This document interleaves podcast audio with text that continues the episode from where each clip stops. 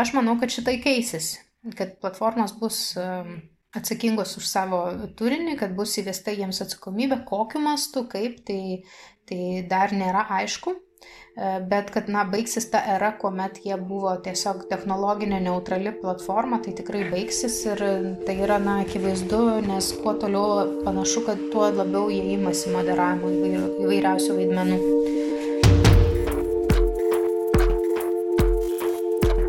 Sveiki visi. Ačiū, kad klausotės Naro podcast'o. Čia Karolis Višnauskas, sveikinuosi iš namų studijos.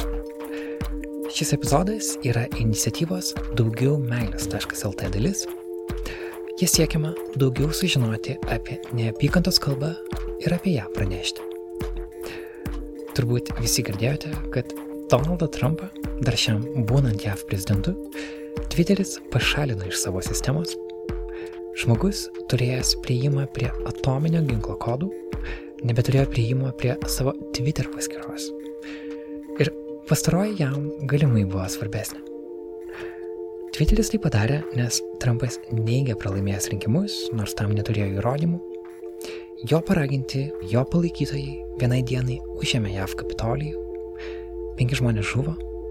Apie tai kalbėjomės praėjusiame epizode su antropologe JAV gyvenančia mokslininkė Jeva Jusenytė. Dabar mes temą išplečiame ir pasakome kiek kitų kampų. Trumpo išmetimas iš Twitterio ir taip pat iš Facebooko žymi naują erą socialinių tinklų vystimėsi. Likščiau jie sakė, kad jie yra neutralios platformos, kur visos nuomonės gali laisvai sklisti, toks savotiškas interneto pažado įgyvendinimas, kad tai bus totalios laisvės erdvė, bet šiandien to pažadų mažai kas tikė, matydami, kiek daug fake news ir kiek daug atviros neapykantos yra internete. Ir tai lemia, kad prasidėjo nauja reguliavimo era. Ji turi savo pliusų, bet ji taip pat turi ir galimų grėsmių, kurias reikia aptarti, kad iš tuos pastus neįkliūtume. Šiandien tai darysime su daktarė Džina Donauskaitė, Lietuvos žurnalistikos centro vadove, patyrusi žurnalistė, kuri daug metų gilinasi į žiniasklaidą, daug metų gilinasi į tą pačią neapykantos kalbą ir sutiko su mumis pasidalinti savo mintimis. Su ją per Zoom kalbasi kolega Karolis Pilypas Liutkevičius ir aš jūs labai kviečiu šią valandą praleisti jų kompanijoje. Gero klausimo. Tai labas, Džina. Ačiū, kad sutikai šį vakarą su manim pasikalbėti apie nepykantos kalbą atrodytų itin dažnai pastaruoju metu diskutuojamas dalykas ir ne tik JAV, bet ir Europoje. Ir vis dėlto tikiu, kad yra dar daug ką apie jį šnekėtis. Prieš neriant giliau į temą, aš norėčiau pradėti nuo apibrėžimo, kas yra neapykantos kalba. Nes kiek pats pastebiu virtualioje erdvėje kažkokių kivirčių ar diskusijų apie neapykantos kalbą, tai atrodo, kad daug jų įsiplėskė dėl tokio primityvaus nesutarimo, kas yra ta neapykantos kalba. Tai galbūt gali kažkaip apibrėžti ją.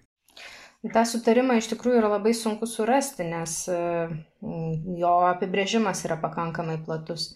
Baudžiamasis kodeksas tai gana e, siaurai apibrėžia, ta prasme, bet kokią kalbą, kuris skatina fizinius smurto veiksmus nukreiptus prieš tam tikrą asmenį dėl jo rasės, etninės kilmės, lytinės orientacijos ir panašių dalykų. Tai yra pakankamai siauras toks apibrėžimas ir gali būti pradėti, pradėtas baudžiamasis persekiojimas, e, kai yra išiškiama tokio pobūdžio neapykantos kalba, bet yra kur kas daugiau tos softinės neapykantos kalbos vadinamosios, kur, na, sunku ir sunku būtų pripaišyti kokį nors tiesioginį smurto skatinimą.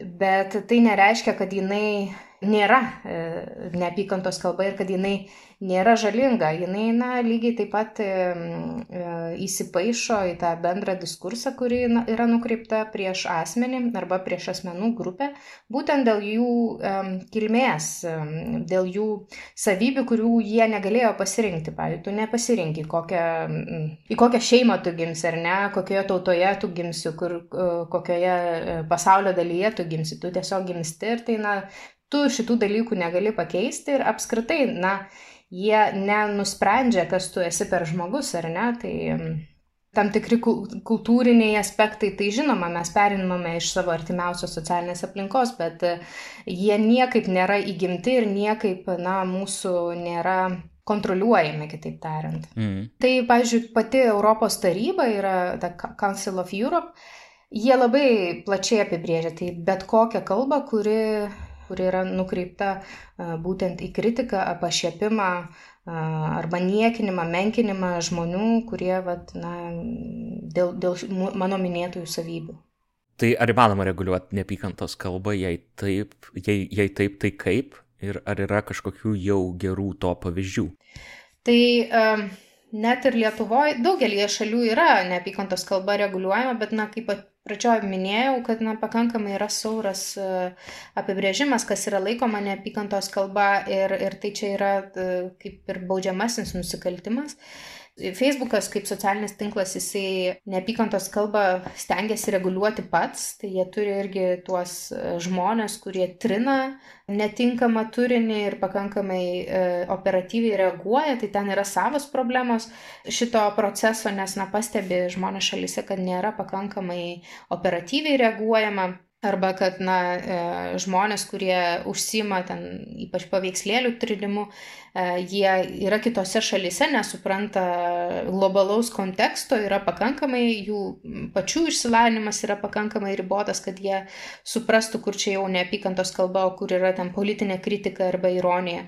Tai e, socialiniai tinklai jie patys deda pastangų, tačiau jau daug. Pa, pastaruoju metu e, yra daug kalbama apie tai, kad, na, reikėtų turbūt kitokio mechanizmo, kad neužtenka savireguliacijos socialinių tinklų, o reikėtų, na, įsitraukimo e, tiek pilietinės visuomenės, tiek galbūt vyriausybių.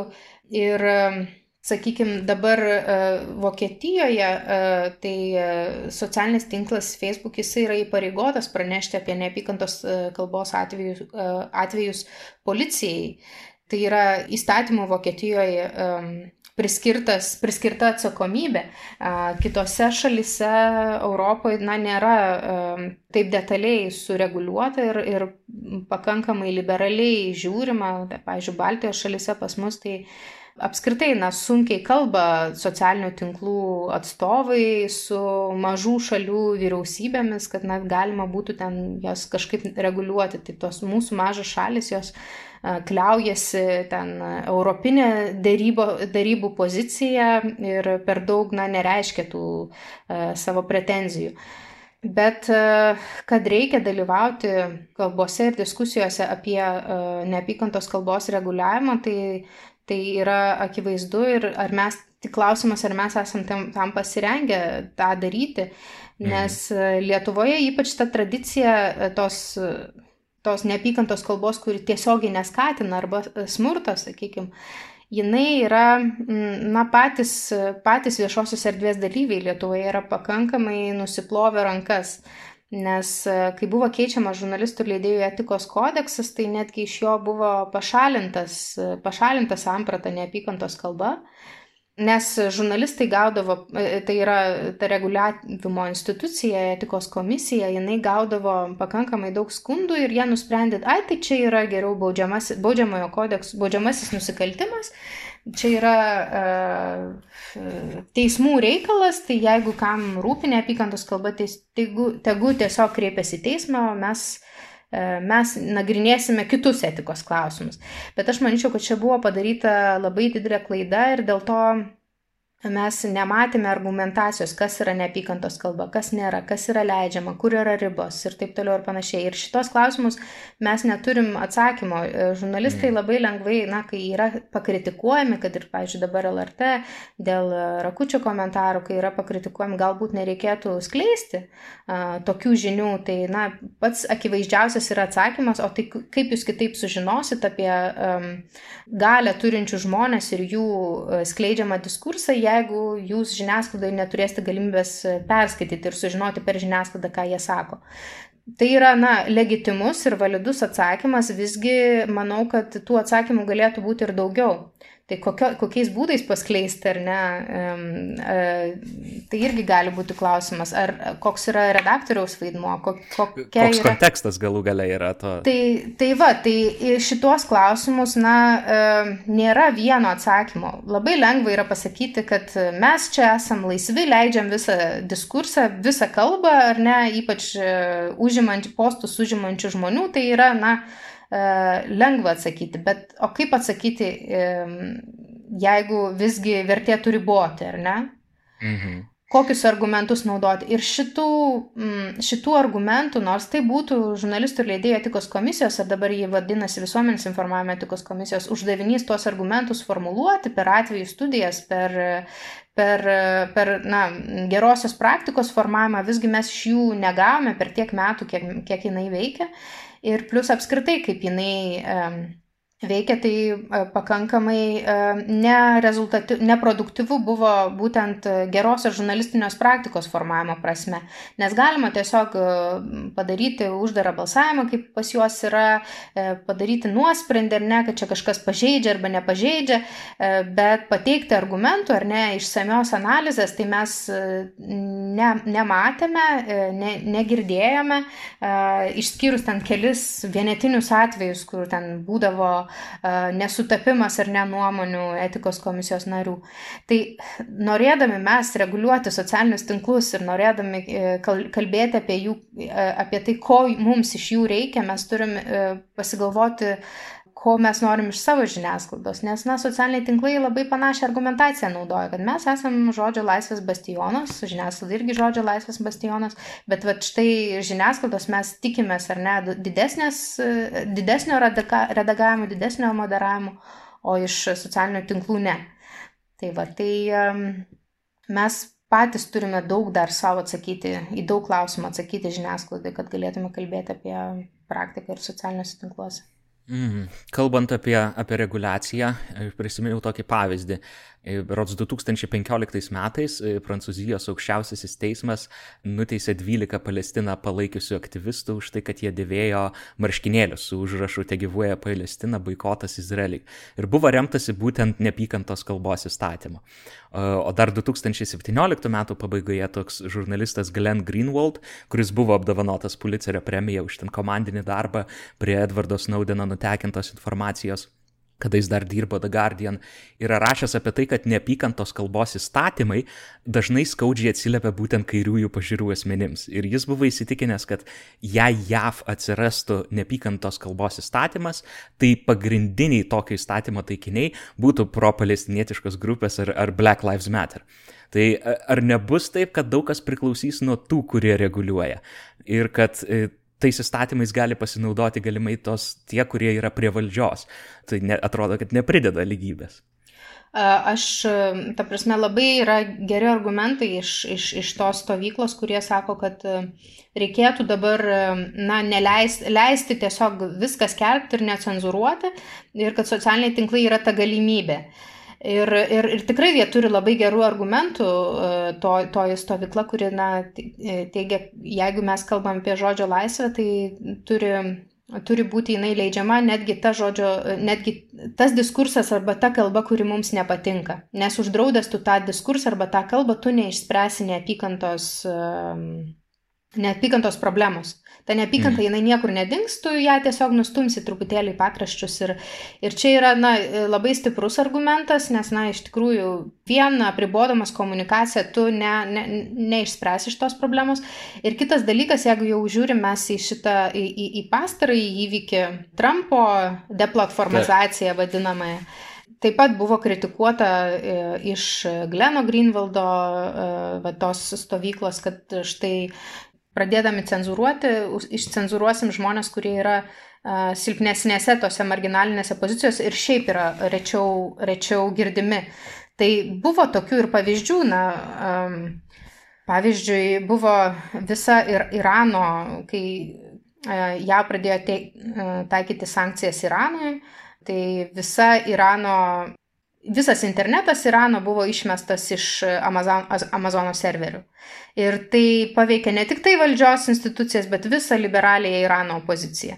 Ta prasme, jie, jie nebeturėjo prieigos ir galimybės skleisti, uh, skleisti savo kontr, savo diskurso uh, naudodamasi serveriais, kurie yra ne, nepavaldus ar ne uh, vietiniai valdžiai, ar ne, uh, kurią jie oponuoja. Nes, na, tada kur kas didesnės galimybės yra cenzuruoti. Jeigu, jeigu serveris yra toj pačioj šalyje, kur ka, ją labai lengva yra išcenzuruoti tuos visus opozicionierius.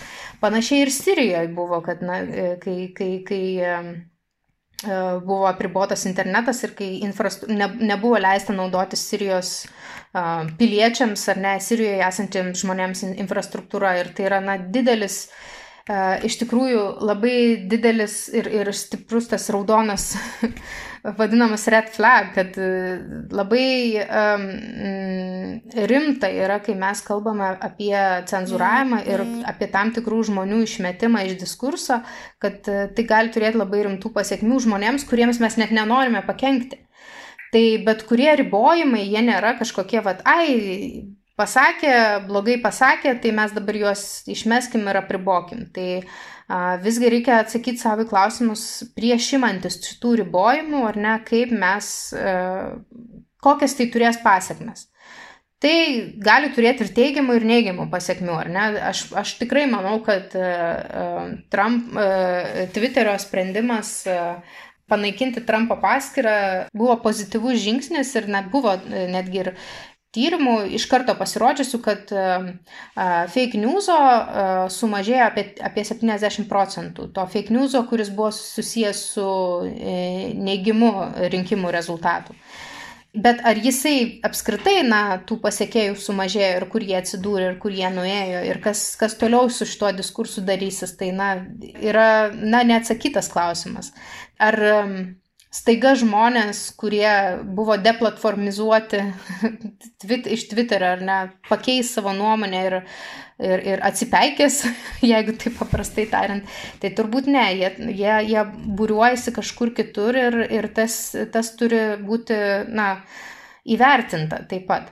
Tai va, tai aš sakyčiau, kad bet, kuri, bet kuris klausimas susijęs su reguliavimu, jisai reikalingas yra labai išsamios re, e, analizės, nes, na, jisai nėra tokio lengvo atsakymo, kad mes štai apribojam neapykantos kalbą, tiesiog ją išmetam iš savo iš viešosios erdvės ir kad jos sumažėja, tai, tai taip nebus. Kitas dalykas yra socialinių tinklų atsakomybė ne tik tai išmetimo prasme, bet e, yra nu, to, tokie dalykai kaip e, monetizavimas arba tos neapykantos kalbos. Na, nemažai užsidirba iš tikrųjų e, socialiniai tinklai iš neapykantos kalbos. Ir, ir mūsų žiniasklaida, kai jinai mm, siekia didesnio dėmesio, ar ne, mm, žmonių, kuri turi daug laiko ir leidžia tą laiką interneto komentaruose e, rašydami ten, tas, tas neapykantos klidinus e, pranešimus, jie būna finansiškai pakankamai naudingi. Mhm. Žiniasklaidos priemonėms. Tai čia yra e, etikos klausimas, kuris yra susijęs su monetizavimu, ar ne? Nes kuo daugiau laiko žmonės leidžia tose socialiniuose tinkluose, tuo jie yra patrauklesni, ar ne, um, e, reklamos užsakovams ir, ir panašiai to, e, žiniasklaidos e, priemonės ar socialiniai tinklai. Tai va, tai, e, na ir kitas dalykas, tie algoritmo klausimas e, socialiniuose tinkluose. Um, kokia kalba tampa populiari ir kodėl jinai tampa populiari, nes na, tai nėra visiškai e, tinklas, kuris neturi savo prioritetų. Bet kuris tinklas nėra tinklas, kuris neturi prioritetų. Vis, vis dėlto mes vienus žmonės ir vieną kalbą matome daugiau, e, kitą kalbą mes matome rečiau ir kodėl viena kalba tampa populiari, o ne kita. Tai čia irgi yra klausimas socialiniams tinklams ir, ir reikalauja jų pastangų ir taip pat mūsų didesnio supratimo, nes jeigu mes sakom, kad e, verta yra reguliuoti socialinius tinklus, mes iš pradžių turim žinoti, kas ten vyksta, ar ne? Mes turim mm. turėti duomenis, e, supratimą, ką ten reguliuoti, ar ne? Tai galima kalbėti apie, apie, apie tai, kad reikia reguliuoti, vis dėlto, tas reguliavimas turėtų pagristas duomenimis, o kol kas šitie duomenės tai yra pakankamai užspausti ir laikomi kaip komercinė paslaptis įvairių socialinių mm. tinklų. Tai tikrai pakankamai kompleksiškas atsakymas ir pakankamai daug darbo šitoje srityje. Tai vad, kalbant apie socialinius tinklus, kurie turi vos neesminį vaidmenį tos neapykantos kalbos plitime, kiek įmanoma pasitikėti jų pačių reguliacija, nes čia yra ir tas didelis oranžinis dramblys kambaryje, tas Donaldo Trumpo paskirų suspendavimas. Ir svarbu paminėti ir tai, kad tas suspendavimas įvyko iš karto po to, kai Demokratų partija tapo JAV Senato dauguma. Tai žinant tai, atrodo, kad tokios kompanijos kaip Facebook ir Twitter tiesiog stebi, kur pučia politiniai vėjai. Ir tada kyla klausimas, ar tas reguliavimas, savireguliacija jų yra iš tikrųjų iš geros valios, ar tiesiog, nu, taip, taip yra paranku. Aš manau, kad čia yra, na, irgi pakankamai kompleksinis procesas ir viską, ką tu pasakai, Karolina, sakyčiau, kad žaidžia tame. Kitas dalykas, pats Silicijos lėnis yra Junktinėse Amerikos valstijose, ten yra tiems na, žmonėms ar net darbuotojams platformų labai pažįstama ir artima prie, prie odos ta politinė situacija. Ir, ir na, kitas dalykas, kad vis dėlto buvo tos formalios priežastis dėl kurių Trumpas buvo suspenduotas. Na, tai buvo akivaizdus perversmo ir smurto skatinimas. Tai ta prasme, mm. yra daug argumentų, kodėl ir gerų argumentų, kodėl tas, tas suspendavimas įvyko. Ir, sakyčiau, tarp šitų argumentų yra, aišku, ir aspektas tas, kad naujoji administracija imsis to 230 straipsnio telekomunikacijų įstatymo ir tikrai na, didins atsakomybę socialinių tinklų už vartotojų skelbiamą turinį. Kita vertus, na, buvo daug kitų atvejų, kad ir toj pačioj Indijoje, ir Mianmare, ir, ir Brazilijoje, kur sklido neapykantos kalba, buvo nemažai neapykantos nusikaltimų paremtų, iliustruotų ar net tą neapykantos kalbą ne, neapykantą paremtomis diskusijomis, kurios vyko šitam socialinėme tinkle ir reakcijos nebuvo nei tokios operatyvios, nei tokios efektyvios, sakyčiau. Tai kaip ir bet kuriam sprendimui, na, galima matyti, e, matyti, kad yra daug tų priežasčių ir tikrai, kad tas naujas reguliavimas, kuris atkeliauja ir kuris greičiausiai bus, yra tikrai susijęs su tuo, kad demokratai dabar e, turės lemiamą e, sprendimo teisę. Mm yra tokia mintis išmesta e, į, į ten įvairius forumus ir įvairias diskusijas internete, e, kad galbūt sprendimas gali būti kažkoks perėjimas nuo, nuo korporatyvinio valdymo modelio į, į viešai, maždaug paversti Facebook ar Twitterį kažkuo kaip e, LRT ar BBC. Ar, ar čia tokia daugiau utopija, ar tai yra galbūt netgi realus sprendimo būdas kažkokiai reguliacijai? Um, Pavyzdžiui, jeigu imam žiniasklaidos analogiją, mm. na, ta socialinės atsakomybės teorija žiniasklaida, jinai atsirado po to, kai kai žiniasklaidos priemonės Junktinėse Amerikos valstijose sudarė ten sutartį su universitetais, universitetai išnagrinėjo, ištyrinėjo, kokia turėtų būti socialinė atsakomybė žiniasklaidos. Ir tą socialinės atsakomybės teoriją iš pradžių Junktinėse Amerikos valstijose pradėjo taikyti žiniasklaidos priemonės savo, e, savo turiniui ir, ne, ir, ir formuodamas redakcinę politiką, paskui ten tą ta liberalioji socialinės atsakomybės teorija, jinai keliavo į kitas šalis kaip eksportas, apskritai kaip demokratinė žurnalistikos tradicija ir panašiai. Tai, tai buvo, ar ne, tam tikras, tam tikras sąveika su privačiu, e, su privačiu verslu, kuris yra žiniasklaida, ar ne, ir, ir e, akademiniu pasauliu, ir, na, ta vyriausybė, kuri ten iš principo ir, ir, ir, ir e, sudarė paskatas ar ne tam vykti, kad na, visgi reikia apibriežti, kokie, kokia yra ta atsakomybė. Tai aš sakyčiau, kad tai yra įmanoma ir kalbant apie socialinius tinklus, bet ar tai bus na, viešasis reguliavimas, ar visgi m, mm, išliks socialiniai tinklai kaip ir šeimininkai savo, savo erdvės, kurią kuria, tai aš manyčiau, kad pastarasis variantas. Visgi jie išliks šeimininkai tos savo viešosios erdvės. Visgi kalbant apie žodžio laisvę ir cenzūrą ir, ir neapykantos kalbą, e, reikia turėti galvoje tai, ką mes galvojam, ką reguliuoti. Ar infrastruktūros lygmenių mes kalbame, vad kaip Amazonas e, neleidžia savo serveriais naudotis. Ir tokiu būdu atseit, na, apriboja neapykantos kalbą. Čia buvo su, kad parlerių nebe, nebeleido ar ne naudotis, o parler tai yra vieta, socialinis tinklas, kur iš, iškeliavo iškeliavo Trumpo palaikytojai ir, ne, ir jiems reikėjo staigiai surasti kitus serverius, kur, kur gali būti, kur, kur jie gali perkelti savo visą. Ir be, berots prieglapsti Rusijai kažkur rado nu, Rusijos tai- serveriuose, ironiškai. Tai va, tai klausimas yra, ar mes, ar, ar yra verta infrastruktūros lygmenių reguliuoti, ar visgi yra verta daugiau turinio, ne infrastruktūros, o turinio lygmenių reguliuoti. Mm, nes infrastruktūros sprendimai, e, sakau, jie gali na, turėti labai blogų pasiekmių ir taip, taip pačiai žodžio, žodžio laisviai.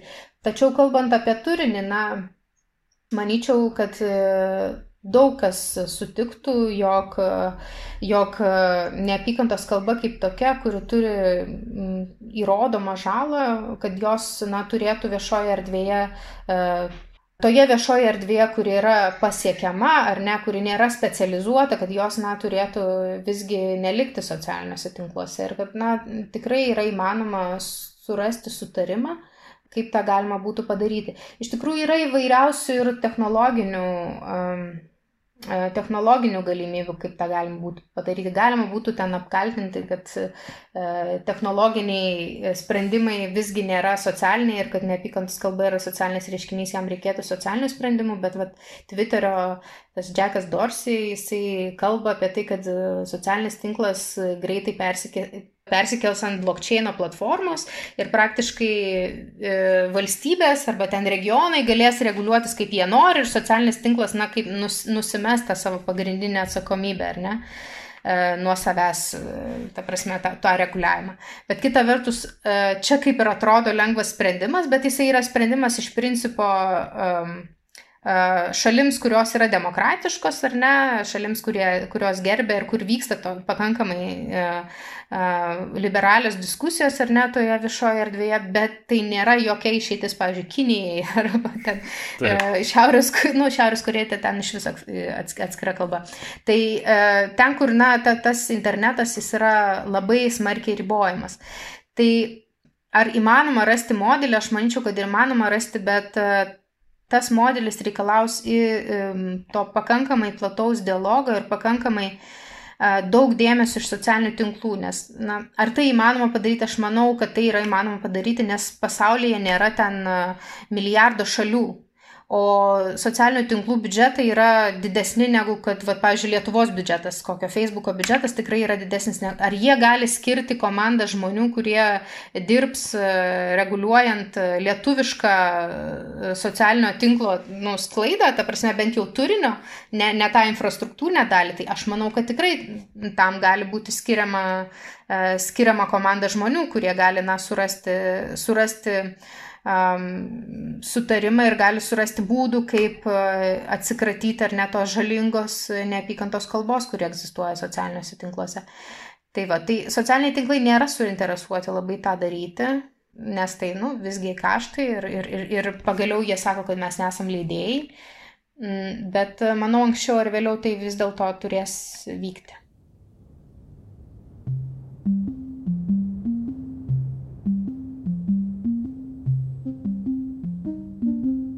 Maža pauzė interviu, per kurią noriu padėkoti žmonėms, kurie palaiko Naro podcastą savo finansiniu indėliu.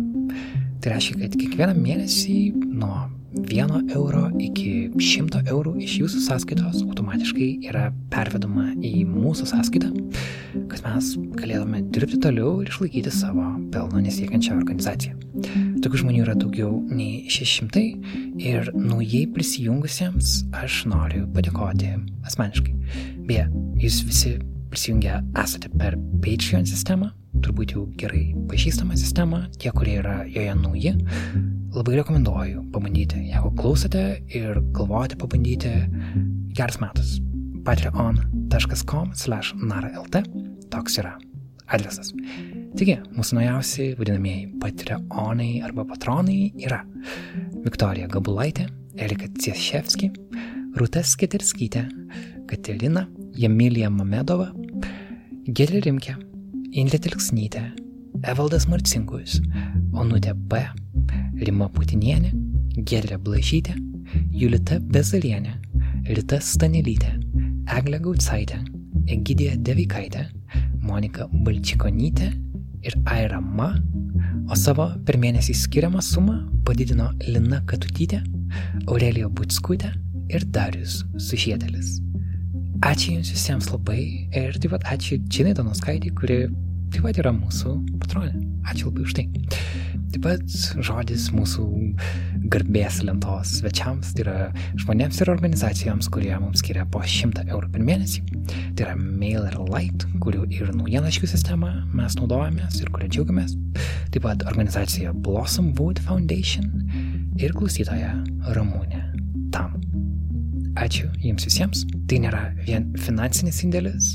Jūs kiekvienas siunčia žinę, kad mūsų darbas jums rūpi. Ačiū už tai. O dabar grįžtame į interviu pas Karolį Pilypą Liutkevičių, kuris kalbasi su Lietuvo žurnalistikos centro vadove Džina Donauskaitė.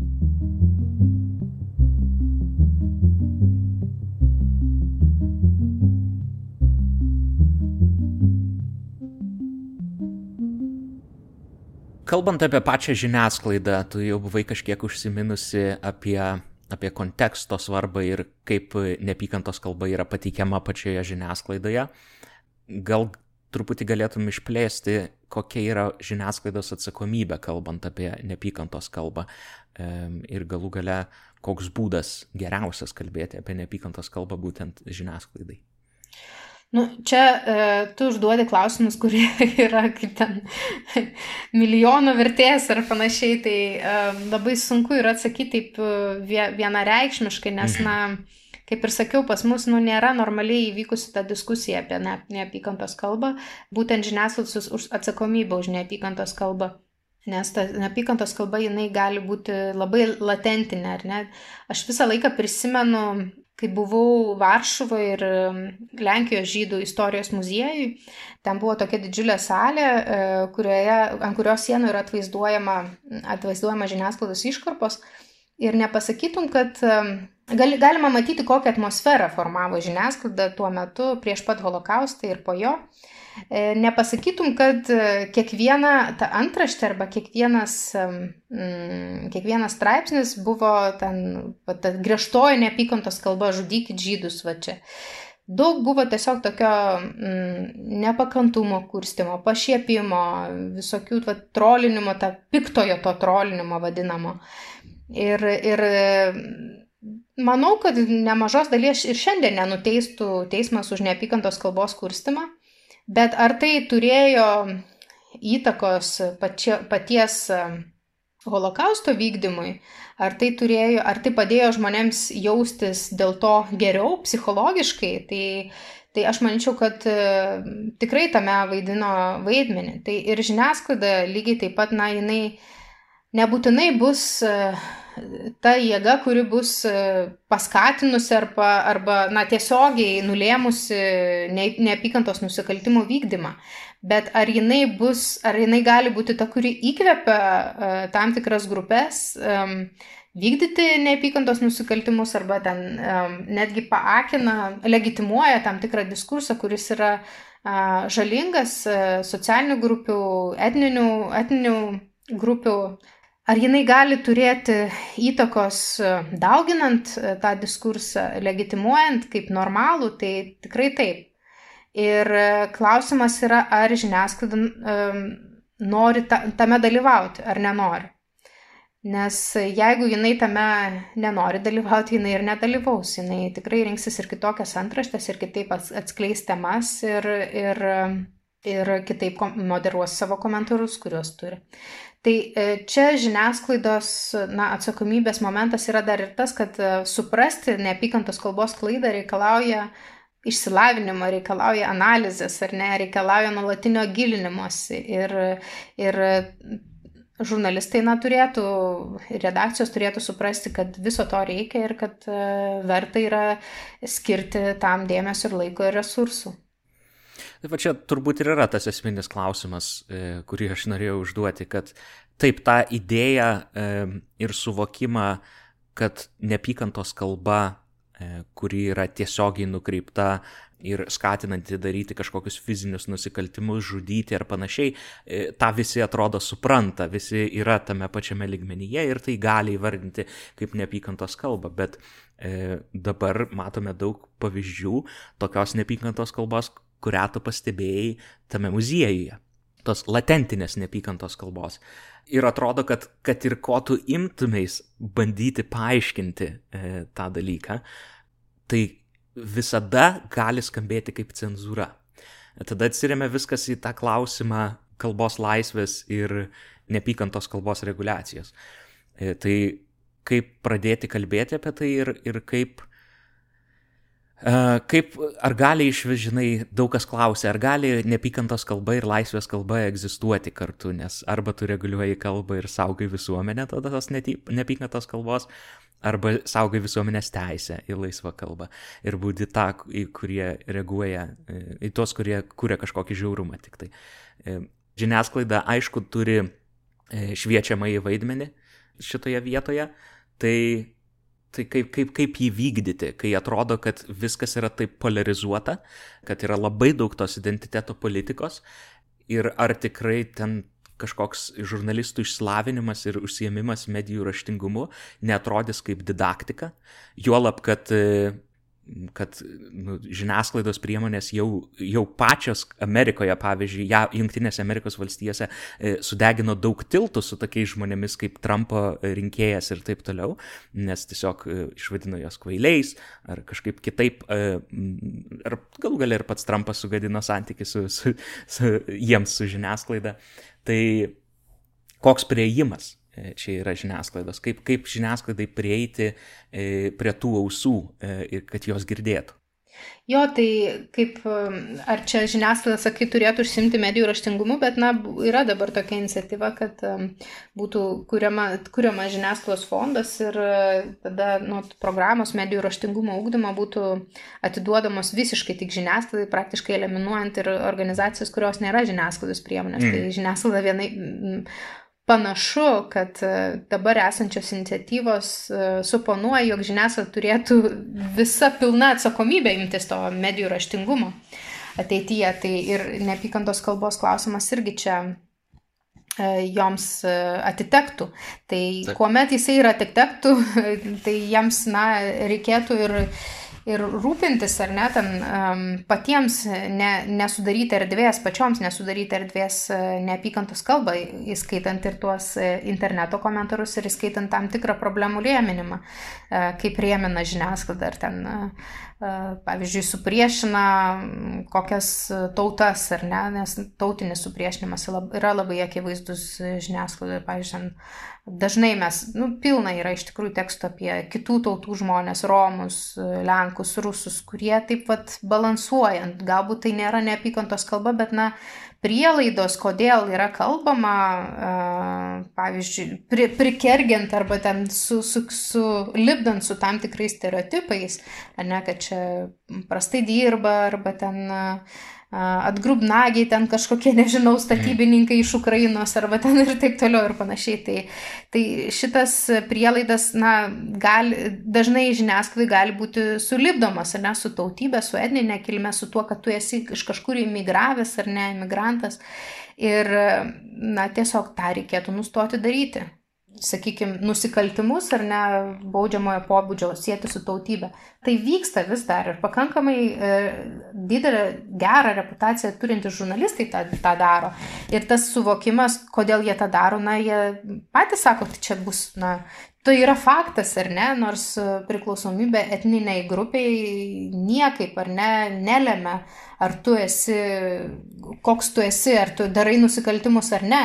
Tai priklausomybė tam tikrai socialiniai grupiai arba tam tikros aplinkybės socialinės, kurios, e, kurios sudarė sąlygas ten nusikalsti ar, ar ne, tai ir, ir galiausiai pačios visuomenės atsakomybė, jeigu mes kalbam apie kirtimų taborą, kuris jau, na, kurio jau dabar nebėra, bet istoriškai jisai vis dar turi tą savo, tą krūvį ar ne, ir, ir jisai tiek, tiek metų žiniasklaidai visai vartytas ten buvo. Tai e, žiniasklaida menkai iš tikrųjų analizavo visą socialinę struktūrą ir visas prielaidas, kaip ta struktūra sukelia, sukuria ar ne tokią didžiulę problemą, kuri egzistavo. tai žiniasklaidai reikėtų gilintis daugiau į tuos socialinius procesus ir, ir, ir tiesiog, na, suvokti, kokį poveikį gali turėti neapykantos kalba, kaip ji gali prisidėti prie uh, tų naratyvų uh, gyvavimo ar ne, populiarinimo jų ir taip toliau ir panašiai. Kitas dalykas, kuris akivaizdus, kad šiandien didelė dalis žmonių savo naujienas ir, ir apskritai informaciją apie pasaulį ar savo aplinką e, gauna ne tik iš žiniasklaidos, bet ir iš nuomonės formuotojų ar, ar kitų žmonių socialiniuose tinkluose, kuriems kartais ir moka pinigus už tai, tarkime, ten per Patreon platformą ar, ar kažkur kitur. Ir didelė dalis tų nuomonės formuotojų e, nėra žurnalistai, tai atrodo kažkokių žurnalistinės etikos principų jiems gal ir nereikia laikytis, ar, ar jie netaikomi jiems. Tai kur čia dėti ribą tarp žodžio laisvės ir atsakomybės? E, nes atrodo, kad, kad atsakomybės ir čia reikėtų, ar ne? Ir kaip, kaip jos galų gale pačiam kaip vartotojui prašyti iš, iš tų žmonių. Iš tų populiarių, populiarių Tai turbūt yra pakankamai, na, daug, pakankamai priežasčių arba pakankamai aišku priežastis, kodėl vieni žmonės yra sekami ar ne socialinės tinkluose ir, ir tampa tais informacijos kanalais. Tai, tai jeigu tavo informacijos kanalas yra tas, kuris, kuris skleidžia neapykantos kalbą informuodamas apie kažką, ten buvo ar ne. Viename iš protestų Lietuvoje atvejais, kuomet uh, klaidingai populiarus socialinėme tinkle asmo pranešė apie užpultą, kad um, tamsiaodis ar ne užpuolė, uh, užpuolė protesto dalyvius ar ne. Ir, čia buvo toksai pranešimas ir daug, daug pasiekėjų turintis asmo ir panašiai. Paskui Berots Naros žurnalistas tiesiog atkapsti šitą situaciją ir, ir parašė, kad tai yra melaginga, ar ne, kad netgi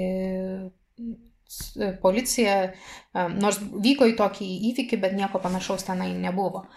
Tai kaip, šitie, kaip šituos žmonės, kaip į juos reaguoti, nu jie turi tą savo, jie neturi, ta prasme, tokio kaip visuomenės informuotojo atsakomybės, jie turi politinius tikslus, ar ne, jie turi kažkokias agendą savo, kurią seka ir, ir, ir kuri domina jų, jų sekėjus.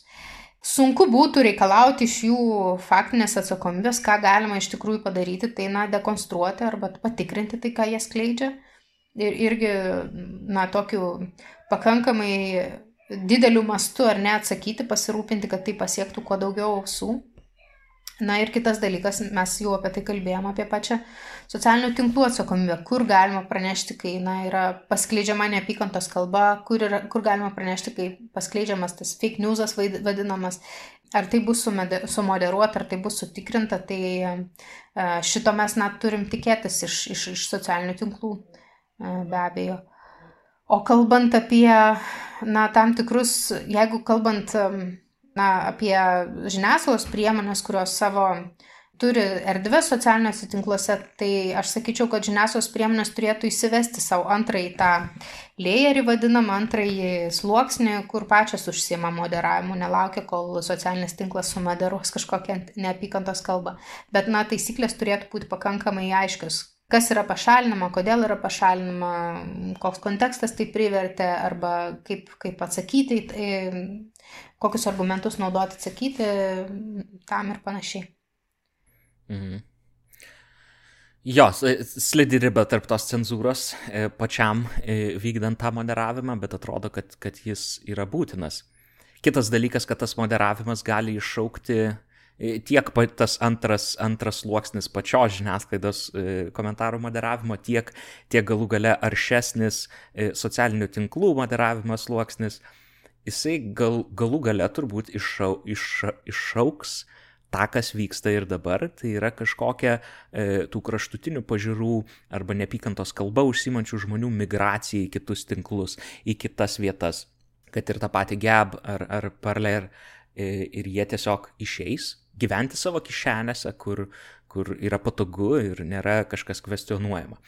Ir tada tavo kaip žurnalisto darbas, e, nu, tu ten galbūt taip lengvai nepateksi, neužsidėjęs žurnalisto lemenės kaip į protestą atėjęs ar praeivis. Kaip galų gale tai pakeis e, žurnalisto darbą. Tai be abejo, aš, aš visiškai, na, mm, tai yra problema, kurios neišspręsi ribodamas komunikacijos arba komunikacijos priemonėmis. Jeigu tu apribosi kažkokios neapykantos kalbos klaidai, tai nereiškia, kad jos nebebus. Galbūt bus e, sunkiau pritraukti sekėjus e, tam tikriems žmonėms ir panašiai, bet tai nereiškia, kad jinai išnyks ir kad, kad neatsiras norinčių sekti. Ar ne? Nes visada galima, um, visada galima sakyti, kad štai mane išcenzuravo ir va štai faktai prieš jūsų nosį, kad čia mūsų išcenzuravo, išmetė ar ne, e, ir, ir burti savo palaikytojus e, su ta šūkiu, kad vat, gražinkit žodžio laisvę žmonėms ar ne, sustabdykit cenzūrą.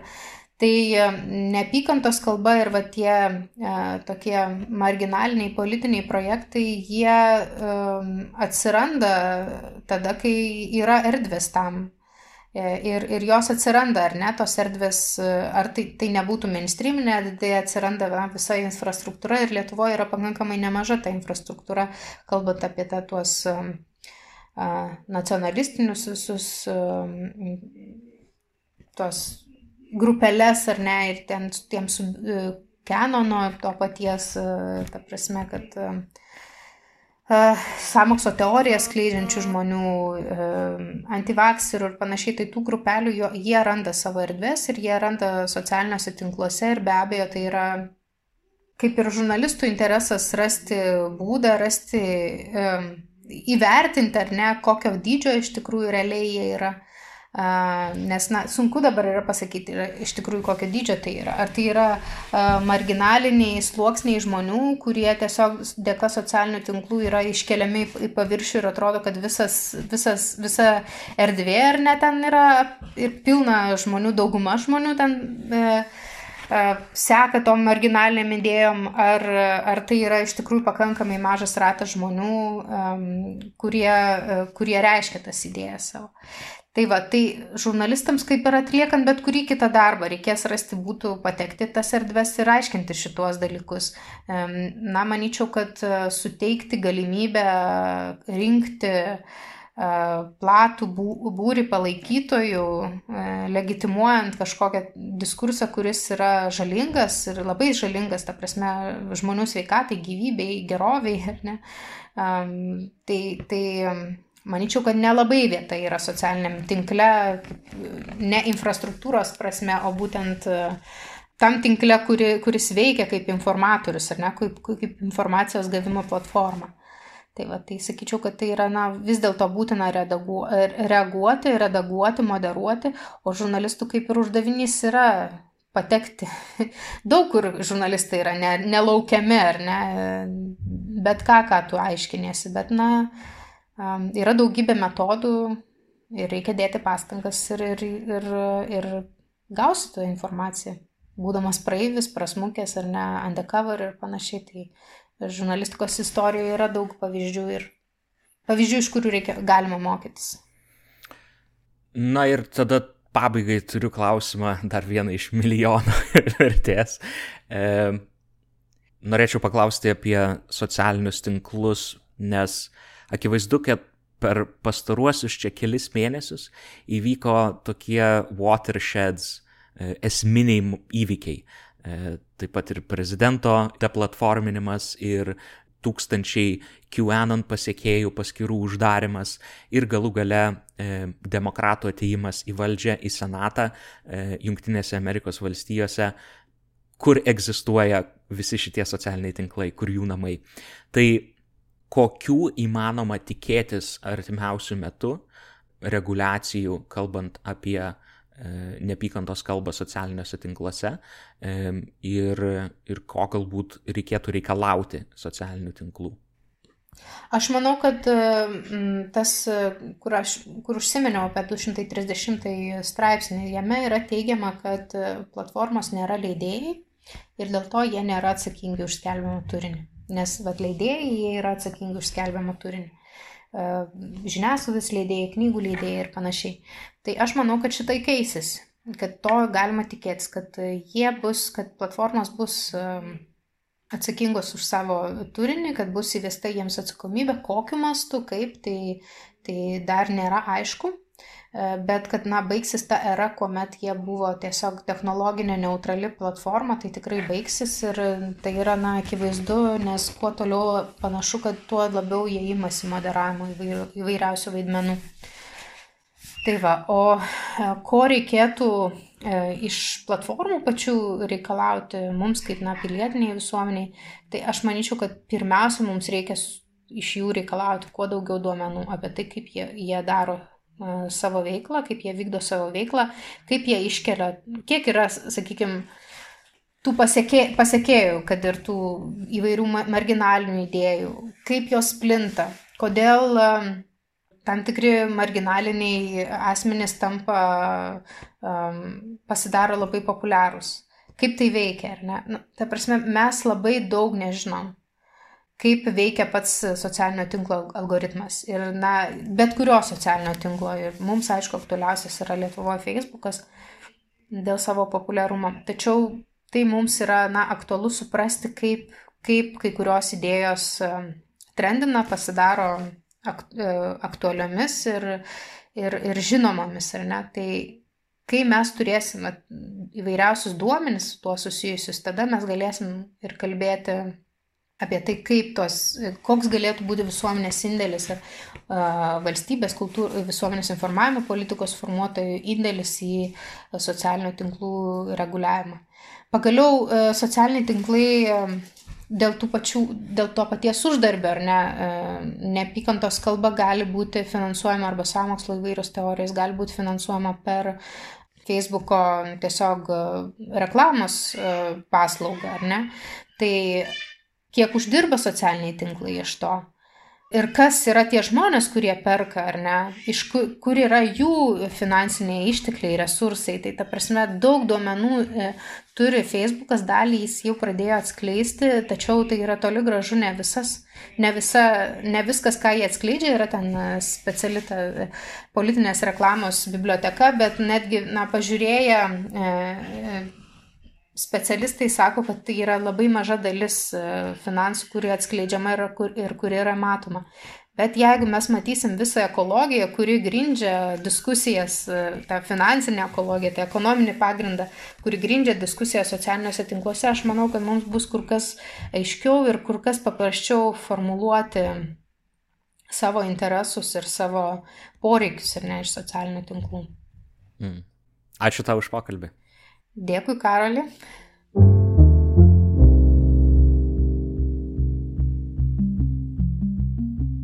Toks mūsų epizodas šiandien.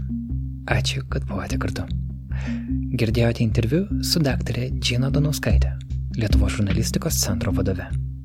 Su ją kalbėjosi kolega Karolis Pilypas Liutkevičius. Interviu redagavau aš, Karolis Višniauskas.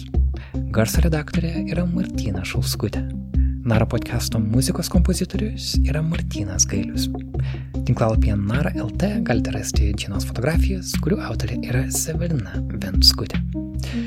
Kaip visada, mes laukiame jūsų reakcijų į mūsų medžiagas, kas jums patiko, kas nepatiko, kokiu temų reikėtų imtis ateityje.